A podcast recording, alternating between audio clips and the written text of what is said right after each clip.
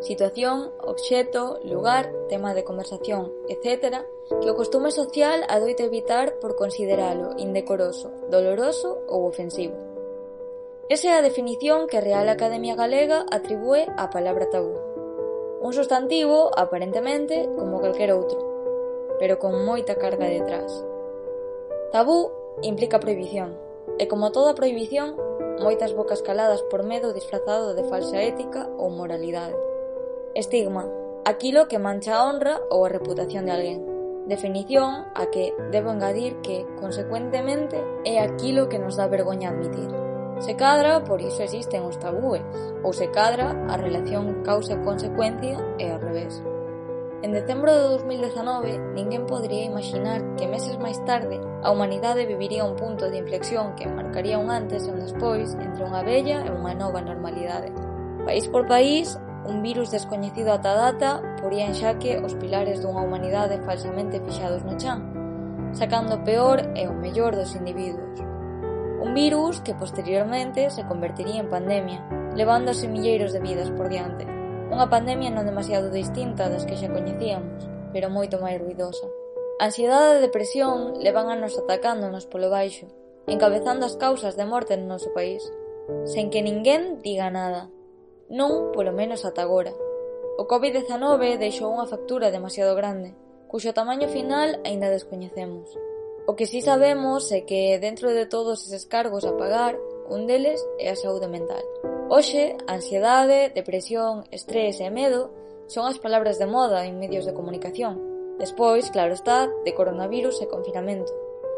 Palabras de moda, ou o que é o mesmo, temporais. Temporais, en certo modo, valeiras.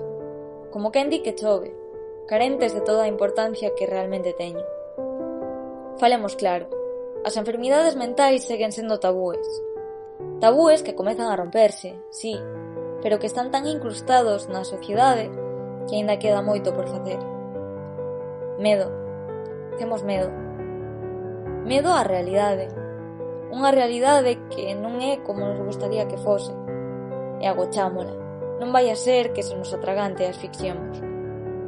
Pero o problema xa non é o agora, senón que se trata dunha realidade con carácter futuro A ansiedade é unha das formas máis frecuentes de psicopatoloxía na infancia e na adolescencia, con taxas de prevalencia entre un 10 e un 20%, por enriba da depresión e dos trastornos de conduta.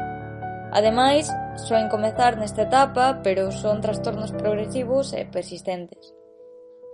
E xusto agora, que contamos coa capacidade para ofertar máis información que nunca, e coa xeración máis preparada para chegar a ela, seguimos mantendo ese espazo case en branco.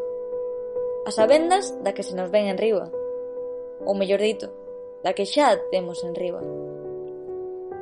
O xornalismo debe ser unha ferramenta para as persoas, un servizo á sociedade, e incluso se iso implica romper tabúes.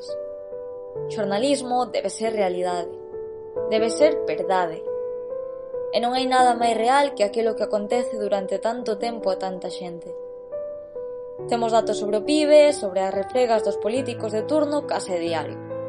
Pero esquecémonos dos datos máis importantes, os da saúde mental. Esa mesma saúde mental que recobrou parte da importancia que merece grazas a unha pandemia mundial. Que irónico que teña que chegar un desastre para contribuir a acabar con outro. Un cravo saca outro cravo ou esodín. Esperemos non ser tan incompetentes de volver a darlle co martelo con todas as nosas forzas. E para iso estou aquí, para contribuir a que iso non pase. Estou aquí con protagonistas de carne e oso, que loitan cada un co seu, pero todos teñen unha cousa en común.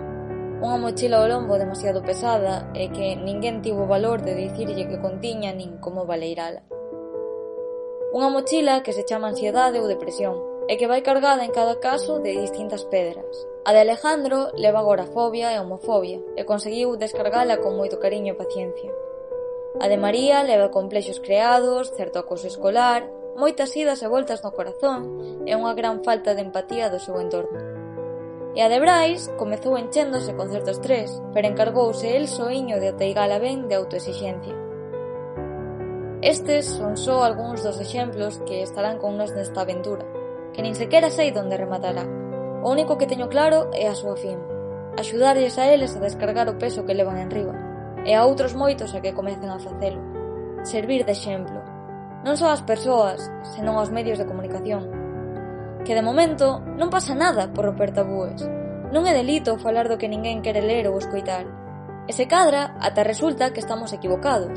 Se cadra, o que están desexando os máis de 2 millóns de persoas que padecen depresión e ansiedade no noso país é precisamente que se fale delas. Que se fale delas para poder deixar de sentirse especies en perigo de extinción, e para que outros, nun futuro, poidan dicir teño isto, a tempo e sen medo. Sen medo, sí, porque aparte dun tabú, ansiedade e depresión tamén acarrean estigmas.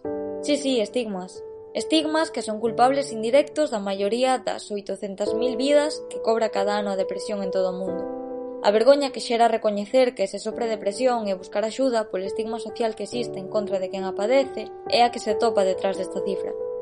Fálase de tristeza e de estar mal dos nervios para referirse a enfermidades complexas, multidimensionais e heteroxéneas, que non fan distinción algunha entre clases sociais, razas, sexos ou idades. Atacan sigilosamente a todo o mundo, aínda que non do mesmo xeito. Chegan sen sequera presentarse, entran pola porta grande ás agochadas e irrompen na nosa vida desordeándoa por completo. E a quen debe lidiar con elas, aínda se lle considera débil. Débil. Depresión e ansiedade van da man da debilidade, cando menos na cabeza dos demais. Cando é un quen a sofre ou quen a trata, as cousas cambian. Precisamente por iso, eu non penso calar, e os protagonistas das historias que virán, tampouco. Eles abrennos as súas portas. Agardo que moitos dos que escoitades fagades o mesmo. Benvidos a moitas vidas, a moitas historias que analizaremos en peros. Benvidos a A Corazón Aberto.